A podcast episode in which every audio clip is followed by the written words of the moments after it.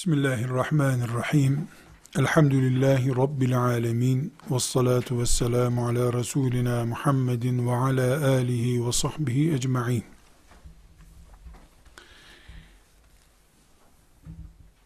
Rabbimizin kitabından Tahrim suresinin hareminde yürüyüş yapmaya çalışıyoruz. Birinci, ikinci, üçüncü, dördüncü ve beşinci ayetlerinde Ayşe ve Hafsa anamızın sebep oldukları Resulullah sallallahu aleyhi ve sellemin üzüldüğü hadisenin üzerine Allahu Teala'nın beş ayetindeki hükümleri öğrendik. Önceki derslerimizde demiştik ki Kur'an'ımızın kendine mahsus bir edebiyatı vardır. Bu edebiyatından birisi de Tehrim suresi der. Sure Resulullah sallallahu aleyhi ve sellemin hanımlarıyla ilgili bir konu olarak başlar. İki ayet, üç ayet sonra bakarız. Sanki hiç ilgisi yokmuş gibi başka bir konuya geçer. Ama ilgisi yokmuş gibi diyorum.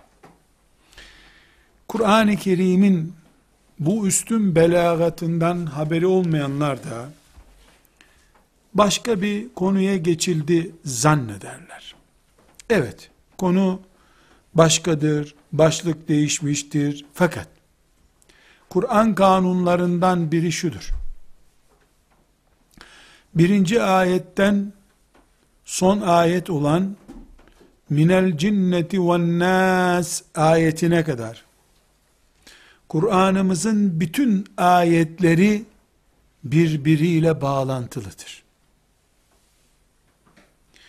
Bütün ayetler birbirlerini tamamlarlar. Bir surenin içinde bilhassa uzun surelerde onlarca konu vardır. Yusuf aleyhisselamı anlatırken birdenbire cennet ayeti gelir. O geçmeden dünya nimetlerinden biri gelir. O geçmeden başka bir konu gelir. Yusuf kıssası devam eder bu arada. Bu Kur'an'ımızın bir tarzıdır. Rabbimiz şu şekilde yaz, bize göndermemiştir Kur'an'ı. Ne anlatacak? Yusuf aleyhisselam. Sadece Yusuf aleyhisselamın bulunduğu bir sure değil.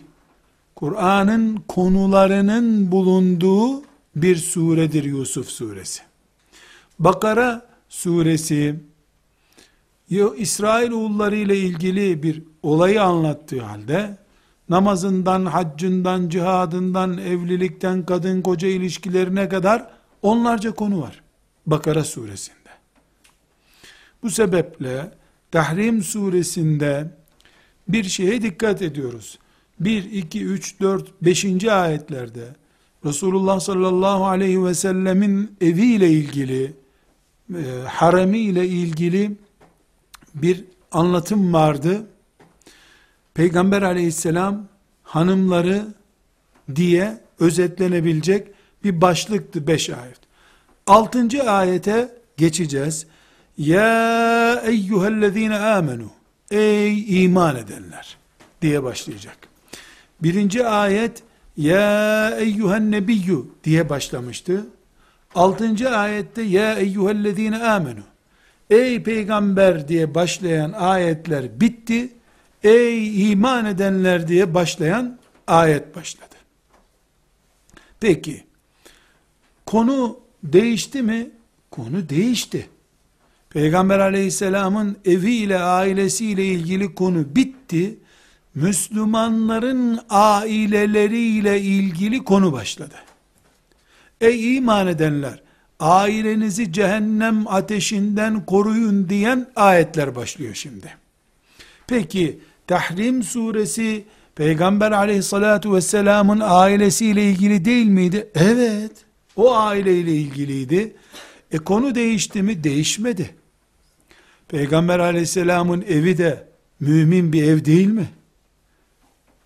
O da müminlerin Kur'an'ı ile amel etmiyor mu?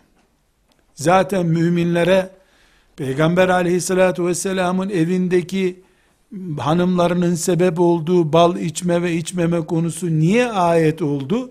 Müminlerin evine ders olsun diye. Ya eyyühellezine amenu ey iman edenler diye başladığında ayet konu değişmiş gibi görünüyor ama muhtevası aynı. Buradan biz şu dinleyeceğimiz ayetlerden şu noktaya geleceğiz. Rabbimiz aile konusuna önem veriyor. Önemli tutmamızı istiyor. Kur'an bunu öne çıkarıyor. Aileden de ilk örneği peygamberinden başladı.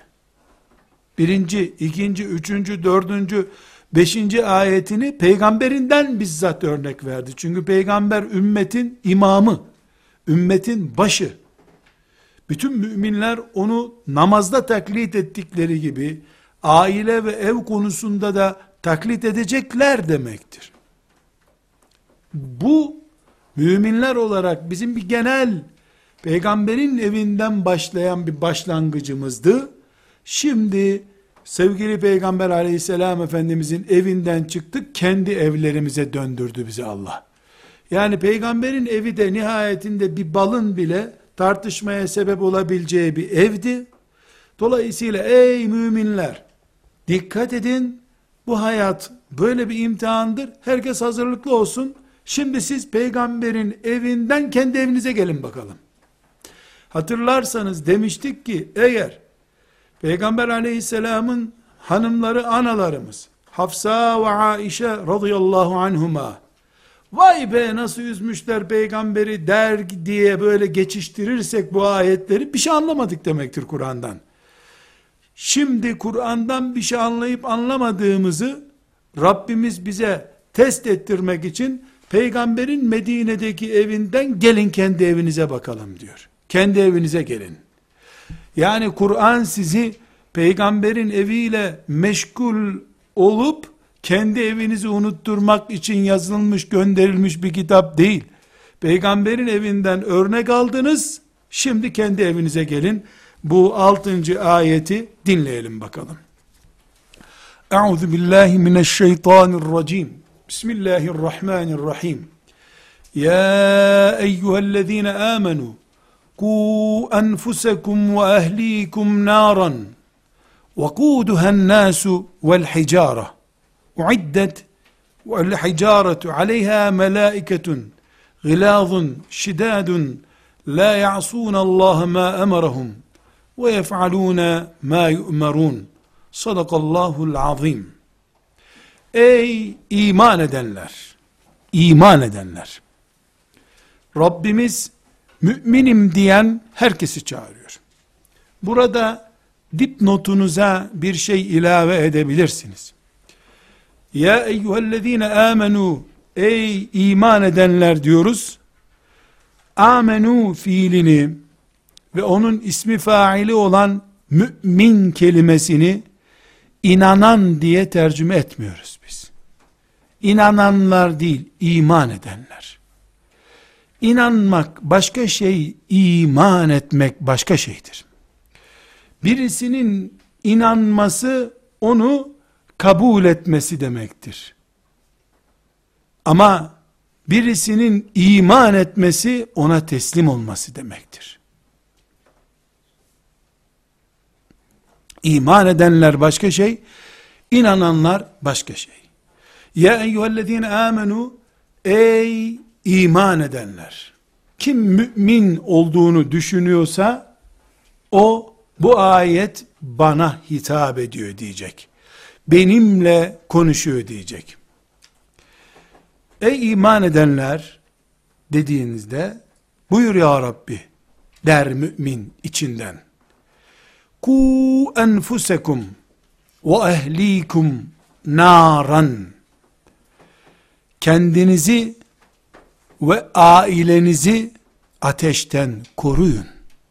Kendinizi ve ailenizi ateşten koruyun. neyle başlamıştı Tahrim suresi? Peygamber aleyhisselamın eviyle ilgili bir konudan başlamıştı. Altıncı ayette ne ile devam ediyor? Müminin kendisi ve ailesiyle devam ediyor. Peygamber aleyhisselamın evinden, ailesinden başladık. Herkes kendi evine gitsin. Sireti Nebi okumak, peygamber tarihi okumak değildir. Peygamber dersi görmektir. Peygamber dersi gördük, ibretimizi aldık, geldik, evimizde ders yapıyoruz. Ne dersi yapıyoruz? Ku enfusekum ve ehlikum naran. Kendinizi ve ailenizi ateşten koruyun. Bu ateş vakuduha bu ateşin yakıtı ennasu vel hicaretu insanlardır, taşlardır. Yani yakıtı insan ve taş olan ateşten kendinizi ve ailenizi koruyun. İnsan kafiri kastediyor. Taş ise Allah'ın haram etmesine rağmen yapılan putlardır. Heykellerdir.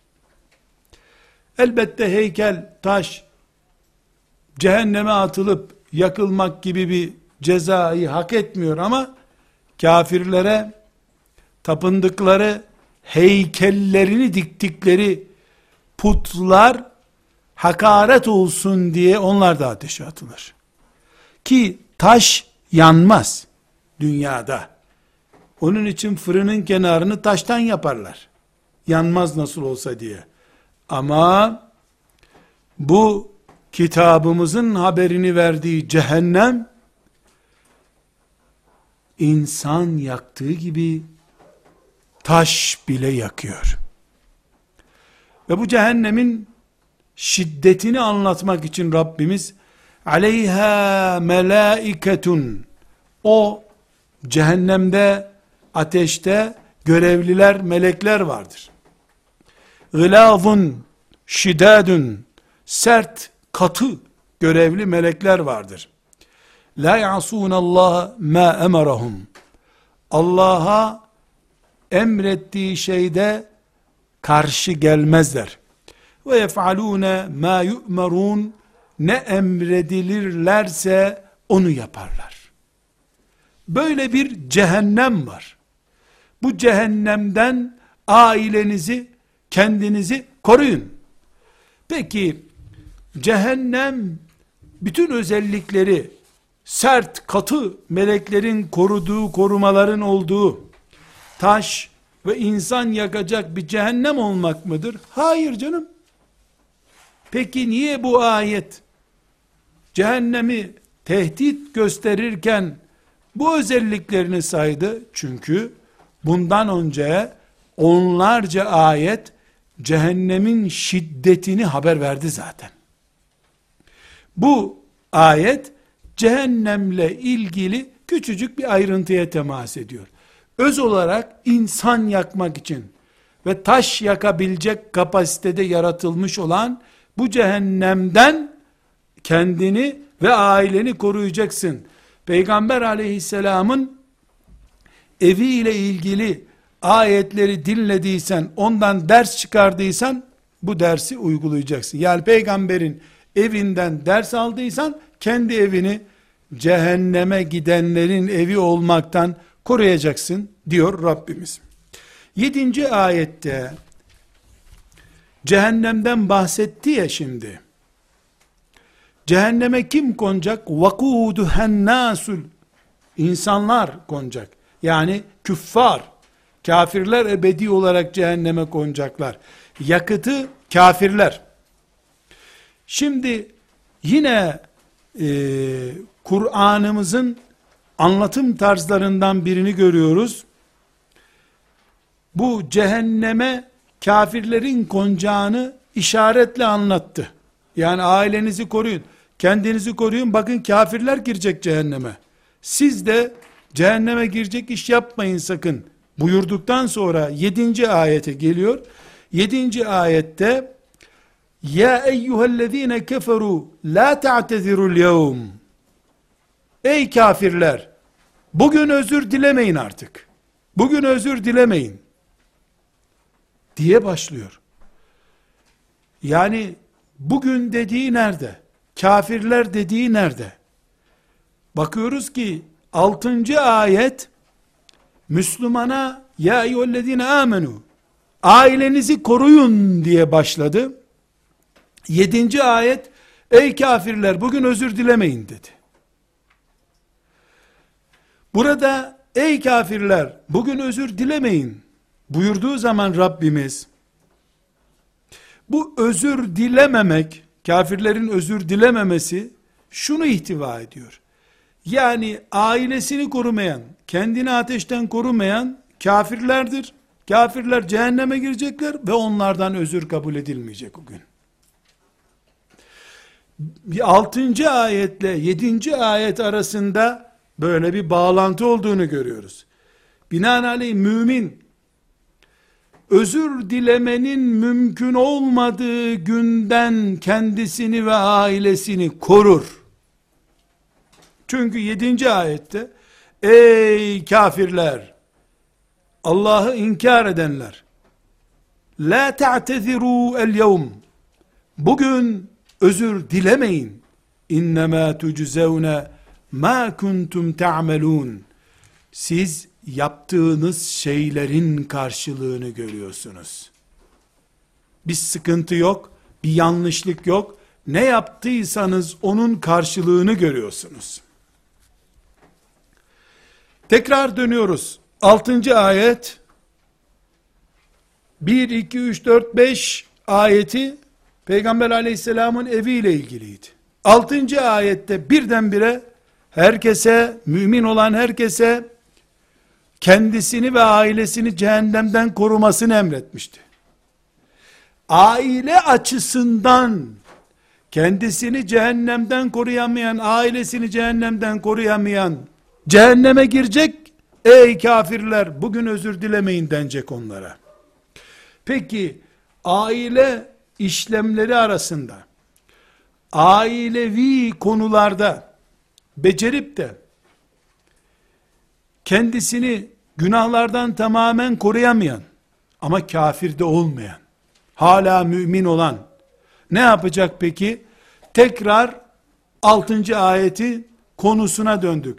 Ya eyyühellezine amenu ey iman edenler tubu ilallahi Allah'a tövbe edin. Tubu ilallahi Allah'a tövbe edin. Altıncı ayet neydi? Ey iman edenler kendinizi ve ailenizi koruyun. Yedinci ayet neydi? Kafirler siz özür dilemeyin kıyamet günü. Sekizinci ayet Ey müminler siz tövbe edin kurtulun. Mümin aile konusunda veya başka bir konuda hata edebilir mi? Eder ama kafir kökten reddeden olduğu için onun özür hakkı yok. Müminin ise özür hakkı var dünyada. La ta'tezirul yevm kafirler için. Tubu ilallahi müminler içindir. Çünkü kafire özür kapıları kapandı diyor. Mümine de tövbe kapısı açıktır diyor. Ya eyyühellezine amenu 8. ayet Ey iman edenler tubu ilallah Allah'a tövbe edin. Tevbeten nasuha ama tövbeniz gerçek bir tövbe olsun. Gerçek tövbe olsun. Tövbe-i nasuh bir İslam deyimidir. Nasuh tövbe. Nasuh tövbe demek, öz itibariyle gerçek tövbe demek. İnsanlar pot kırdıklarında veya yanlış bir söz söylediklerinde tövbe estağfurullah, tövbe estağfurullah derler, böyle derler. Ya da camide ya hadi Müslümanlar bir tövbe edelim denir, tövbe estağfurullah denir derler. Bunlar yani böyle kalabalıkla yapılan tövbeler, dil ucundan yapılan tövbelerdir. Asıl tövbe, bir, yaptığına pişman olmaktır. İki, yaptığına bir daha dönmemeye karar vermektir. Üç, yaptığından dolayı Allah'tan af dilemektir, istiğfar etmektir. Bu üç şeyle tevbe, tevbe olur. Kesin bir pişmanlık, bir daha yapmamaya karar ve istiğfar, af dilemek. Bu üç şeyle yapılan tevbe ve yerinde yapılmış, vazgeçilmemiş tevbe, nasuh tevbedir. Ey müminler, siz nasuh bir tevbe ile Rabbinize tevbe edin. Kime aslında bunu söylüyor? Ta en başta Ayşe ile Hafsa'ya bunu söylüyor. Çünkü onlar aile konusunda bir yanlış yapmışlardı zaten. Ve bütün müminler zaten evlatları durumunda Ayşe ile Hafsa'nın evladıyız onun. Anamızın yaptığı hatanın bir benzerini biz de yapabiliriz. Dolayısıyla anamız da nasuh bir tövbe ile Rabbine tövbe eder. Biz de nasuh bir tövbe ile tövbe ederiz. Ya eyyühellezine amenu tubu ilallahi tevbeten nasuha. Ciddi bir şekilde siz tövbenizi yapın. Tabi tövbe Allah ile kul arasındaki yanlışın adıdır. Buna bir de üçüncü bir kişi olarak kul karışırsa orada helallik alma mecburiyeti de tövbenin şartlarındandır o zaman. Yani birisinin malını kırpıp ondan sonra Kabe'de bol bol dua edip tövbe etmek o olayı kapatmaz. Hakkı sahibine götürür teslim edersen o zaman tövbe etmiş olur insan. Asa rabbukum 8. ayet devam ediyor. Tövbeyi müminlere emrettikten sonra asa rabbukum ola ki Rabbiniz en yukeffira ankum seyyiatikum sizin hatalarınızı mağfiret buyurur. Yukeffira ankum seyyiatikum seyyiat hasenatın aksidir. Yani sevabın aksidir. Günahlar demek. Ola ki siz nasuh bir tövbe ile tövbe edin. Ola ki Allah tövbenizi kabul buyurur. Ve yudhilekum ve sizi koyar.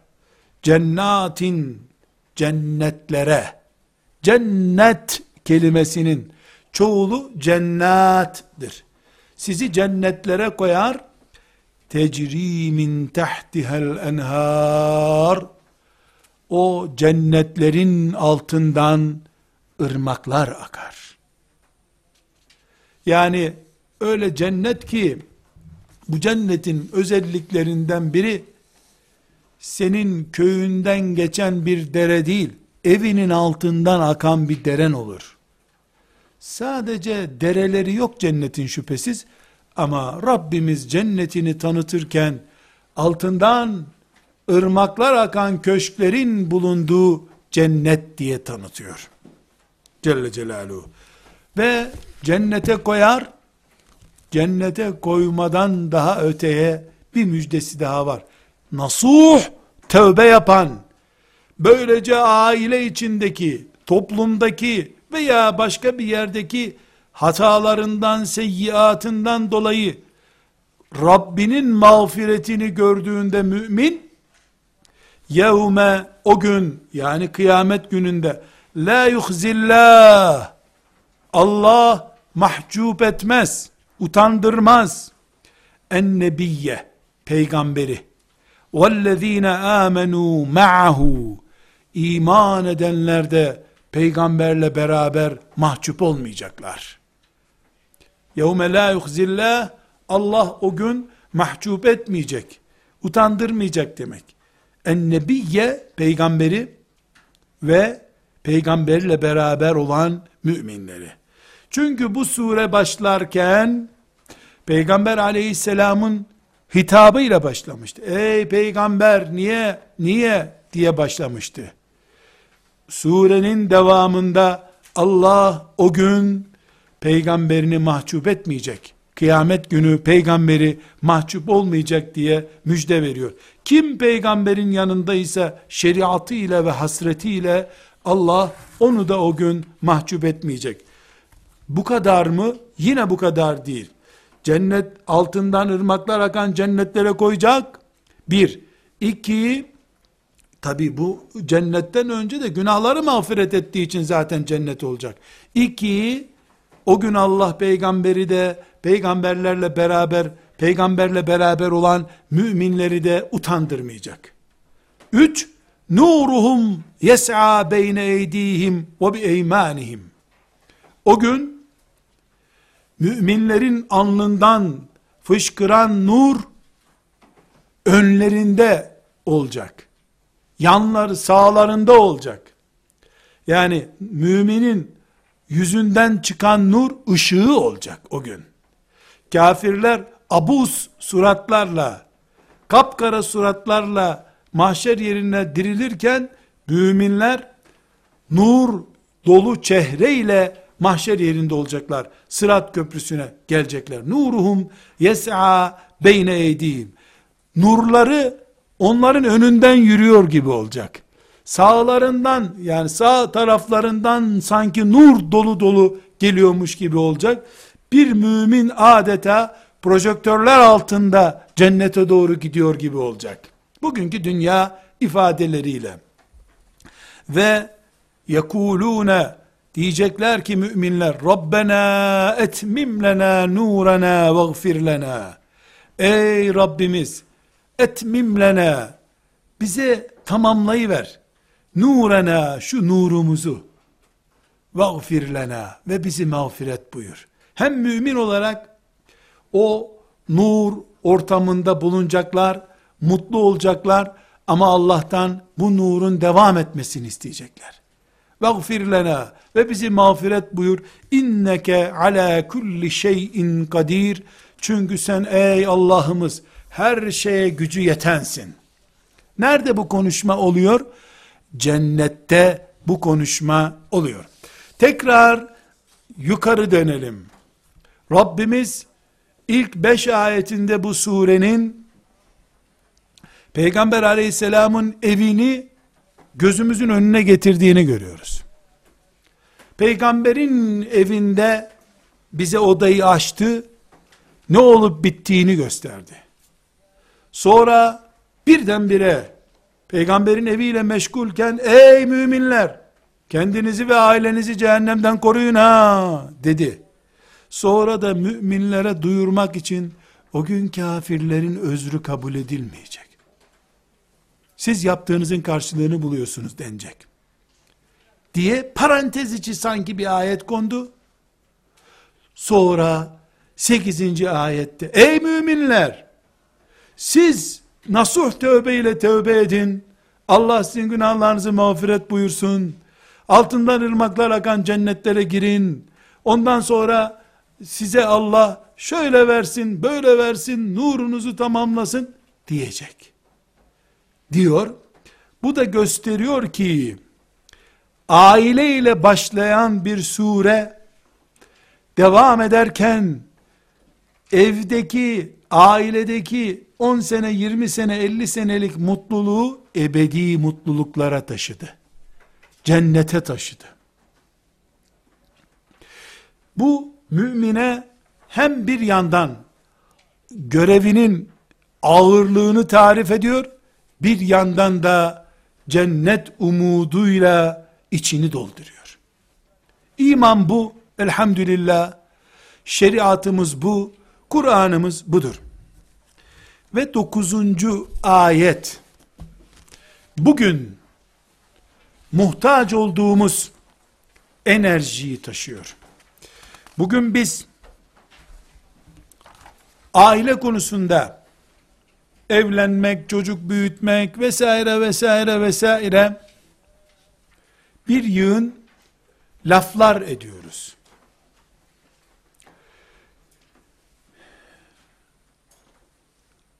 Ama kadın mücahide olsun deyince nasıl ve neden soruları ezip geçiyor herkesi.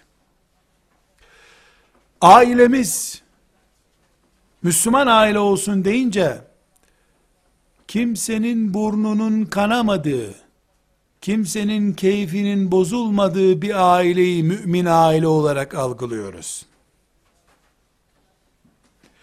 Bugün biz burada, bu mübarek Ramazan-ı Şerif gecesinde, bu ümmetin asiyeliğinin karakterini yakalamak için bulunuyoruz. Tahrim suresinin hareminde yürümeye çalışıyoruz. Rabbimiz bize peygamberinin ailesiyle derse başladı. Sonra herkes kendi evini cehenneme karşı kale yapsın dedi. Erkeklere özellikle ama genelde de her erkeğe ve her kadına çocuklarının sorumluluğunu yükledi. Ama özellikle de erkeklere yükledi. Aile konusu başta olmak üzere Allah'a isyan edip kafir olarak ölen hiç kimsenin özrünün kabul edilmeyeceğini İnnemâ tüzzevne mâ kuntum te'amelûn. Yaptığınızın karşılığını göreceksiniz diye onlara karşılık verileceğini söyledi. Müminlere gökler kadar büyük bir kapı açtı. Siz nasıl tövbe edin, sizi kurtarayım dedi Allah. Bu mümin ailenin umududur. Çünkü Allah, peygamber evi de olsa, ev sorun merkezidir. Aile dert yuvasıdır.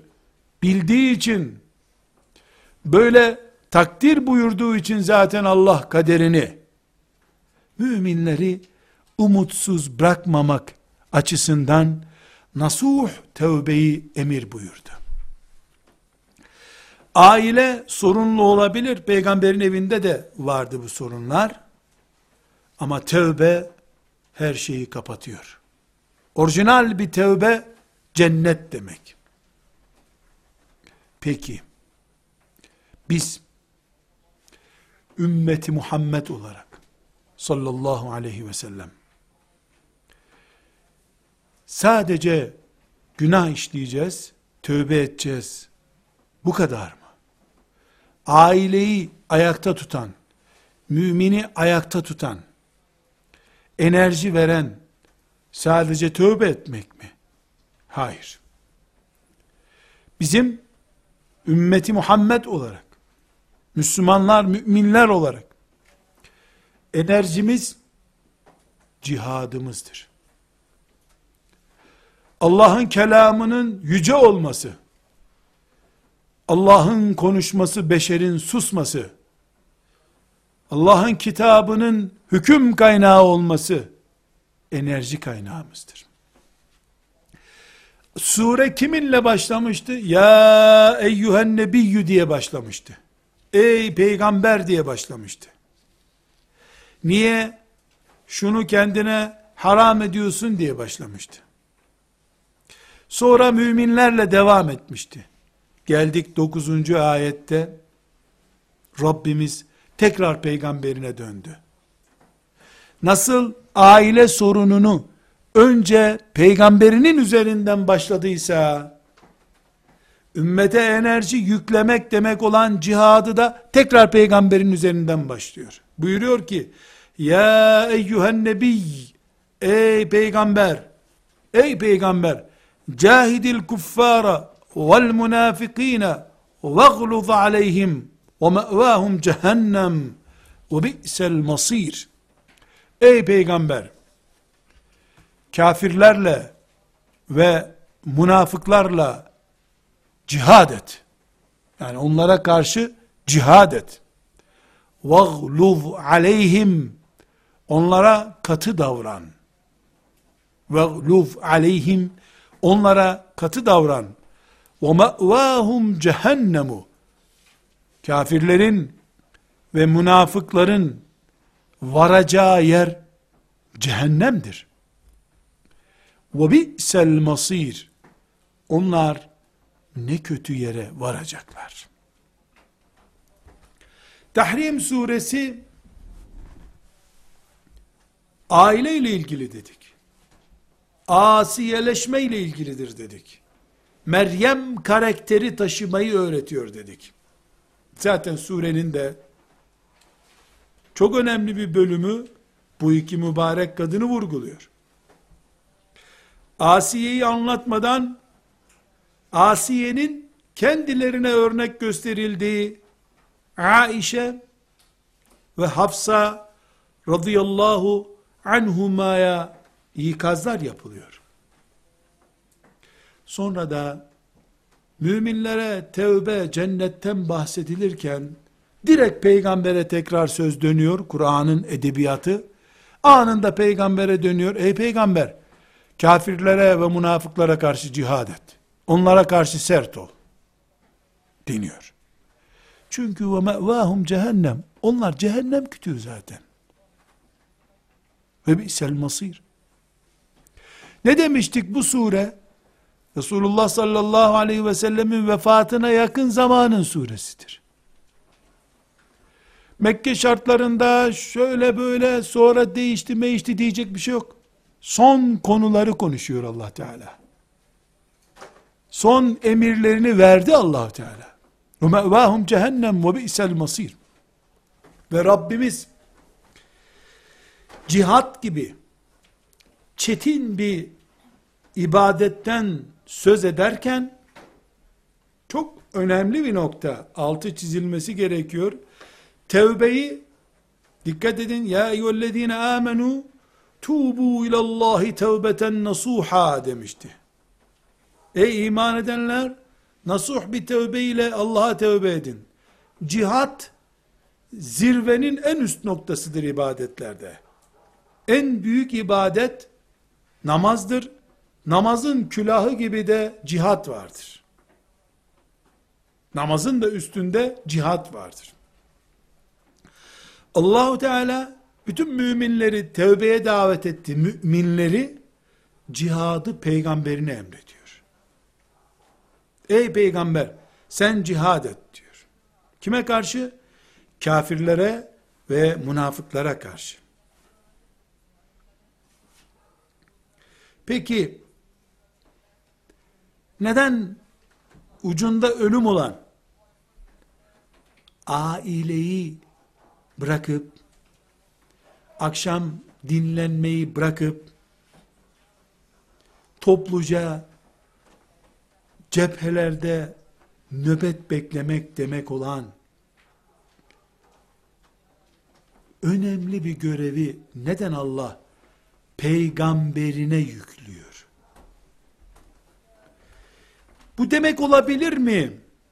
Peygamber mızrağını, kılıcını alacak, cihada gidecek.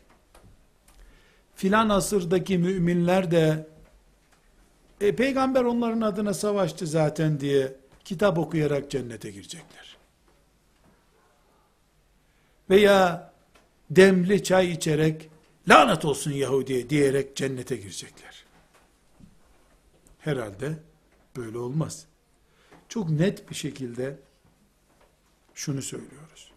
Peygamber zaten bir günah işlemediği için ey peygamber sen ve müminler çabuk tövbe edin demedi Allah. Ey müminler tövbe edin dedi. Çünkü müminler Ayşe, Hafsa ve diğer müminler bu günaha iştirak ettiler. Hangi günahsa tabi.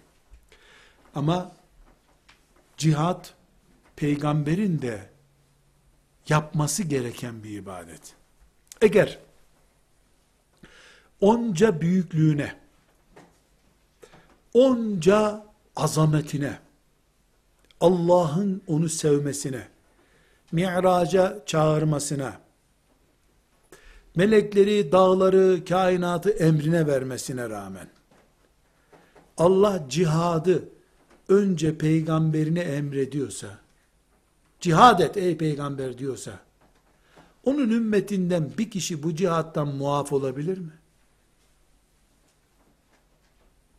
Peygamber ki, melekler onu yere bastırmamaya çalıştılar. Etrafını kuşatan melekler göklere kadar doldular belki. Ama Allah cihad edeceksin dedi. Cahidil küffar vel münafikin cihad et diye emretti. Cihad orduları kur, başına da Halid'i koy gitsinler demedi. Cihad et diyor. Demek ki bundan hiçbir mümin muaf olamaz anlıyoruz. Mümin bundan muaf olamaz.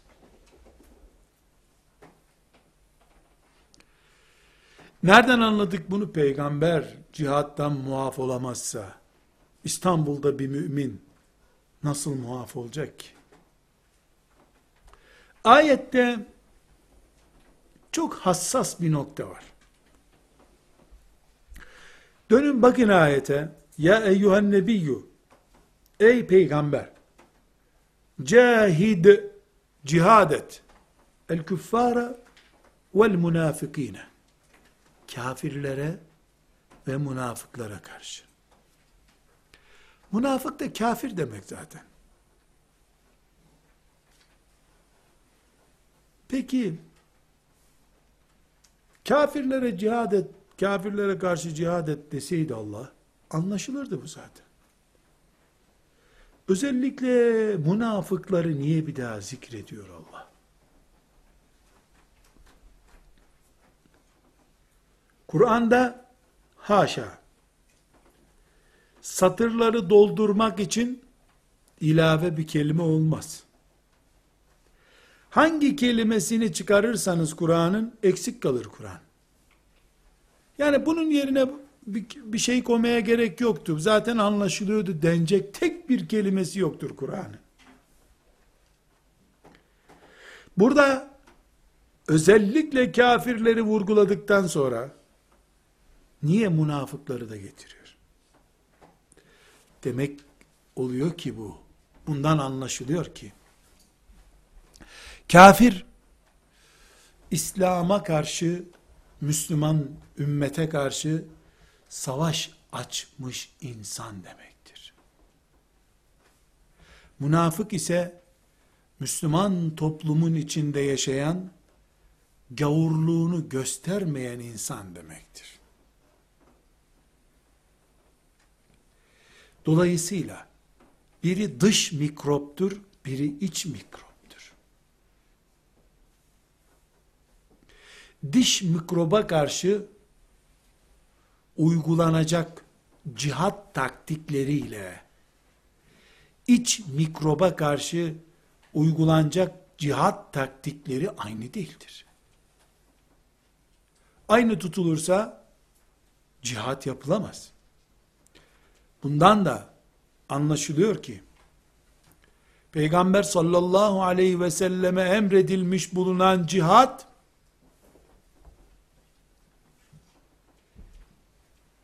yerine göre gerektiği gibi Allah'ın dinini yaşatmak demektir. Eğer ordular kurup dış cephelerde savaşmaksa kafirlerle gidip öyle savaşırsın. Eğer plan, projeyle, sözlü çalışmalarla, tebliğ yöntemleriyle ve fikir mücadelesiyle iç düşmana karşı bir cihat yapılacaksa onu da yapacaksın. Demek ki cihat sadece Müslümanların ordular kurup işte filan nehri geçip filanca kafir ordusuyla karşılaşması değil. O bir cihat.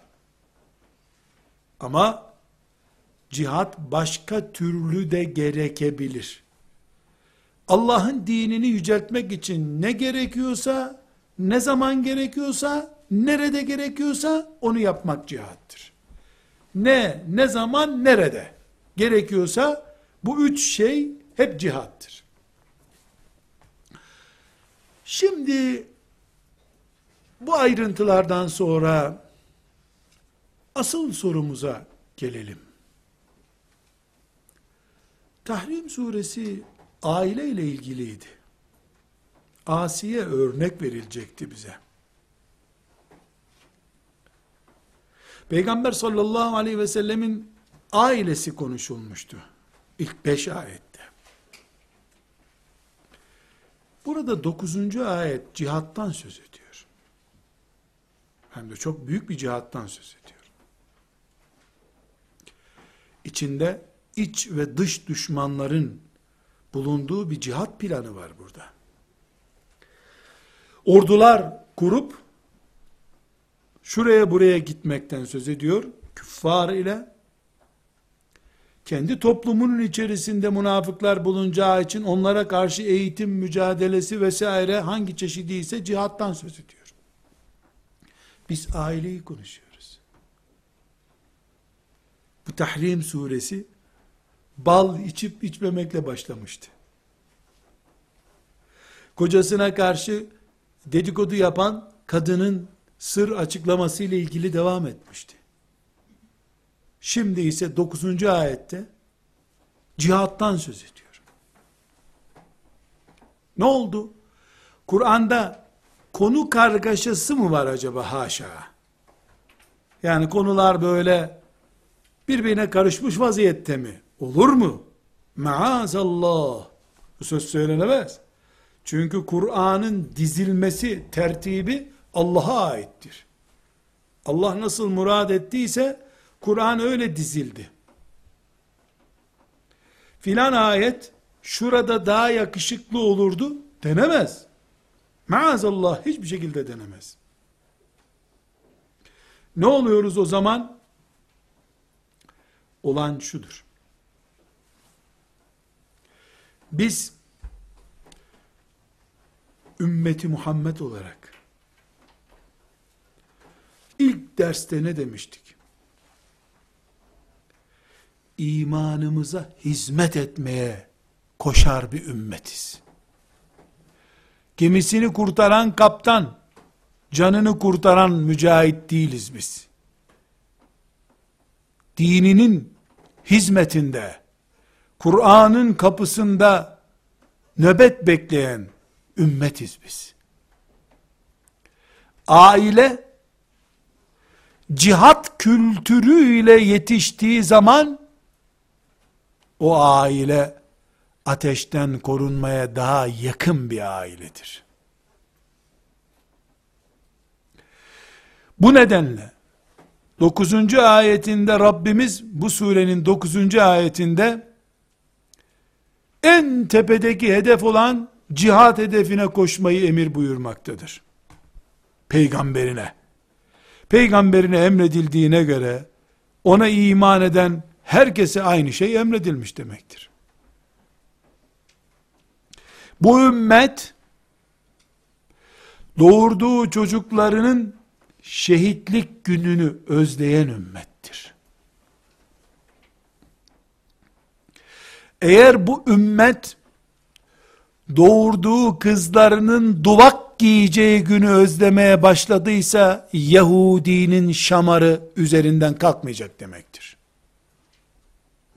Çünkü şehitlik kefenini özlemekle gelinlik duvağını özlemek arasındaki fark cennet için altından ırmaklar akan nurunun önünden fışkırdığı bir gün için yaşamakla fani dünya için yaşamak arasındaki fark gibidir.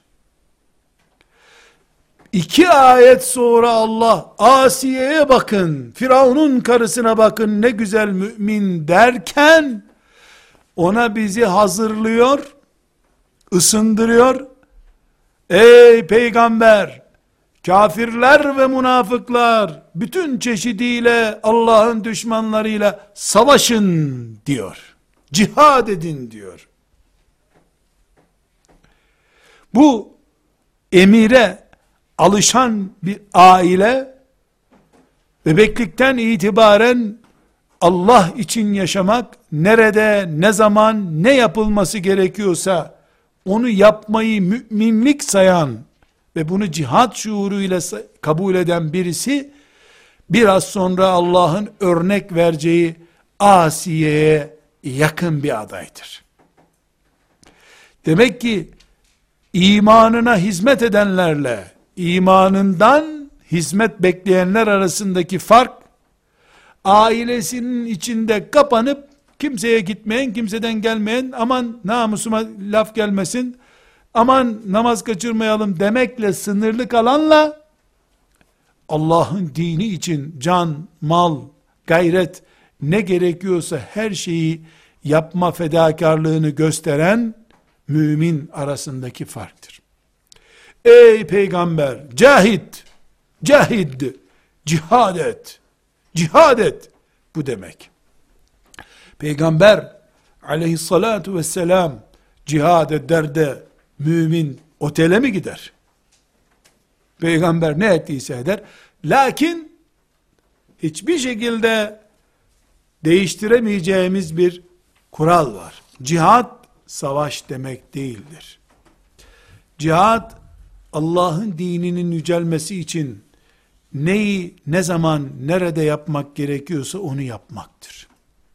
Yeri gelir en büyük cihad iki tane çocuğa Fatiha suresini öğretmek olur.